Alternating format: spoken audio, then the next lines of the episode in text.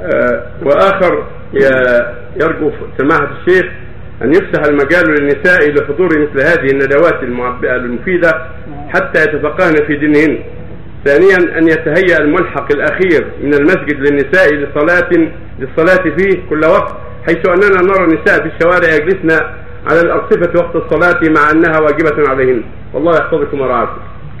هذا غير ممنوع لو حضروا غير ممنوع لو حضروا صلوا المصابيح المؤخرة ما يضر.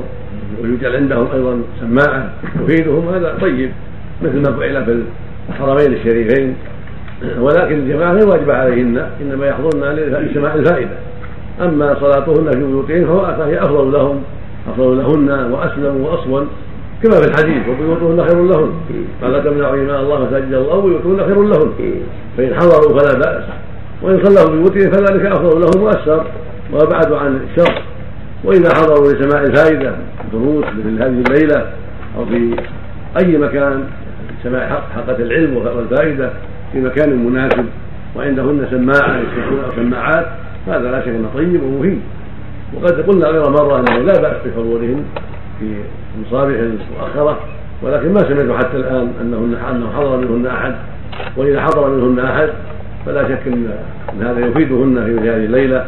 إذا كان عندهن سماعات تفيدهن وسنفعل إن شاء الله سنفعل إن شاء الله ما يحصل به هذا الشيء. ولكن من المصائب أنه قل من يذكر. إن إذا قلنا من هذه الجلسة قل من يذكر بهذا الأمر. فلو ذكرنا لأن مشاغلنا كثيرة جدا فلو ذكرنا هذا الأمر في غير هذا الوقت لا فعلنا ما يلزم إن شاء الله من جهة السماعة ومن جهة الإشعار بهذا الأمر.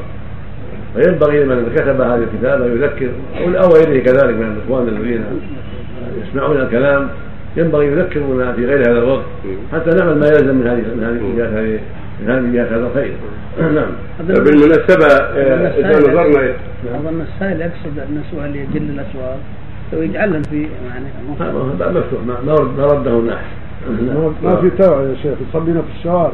نعم. إذا. حضرتهن الصلاة أي. التي تفوت مثل المغرب إيه. وهن بحاجة إلى السوق يصلين في الشارع.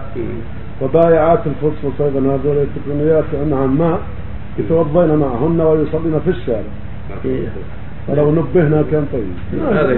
ما يدعي نفسه أو يقع كان التنبيه ولا الباب مفتوح ما- ما هناك ما ما هناك رغبة وهناك جهة لو الإخوان اللي من الهيئة الذين يحافظون على الأخلاق أو يدعون إلى الصلاة ينبهونهن ويعتدن المساجد. كان طيب؟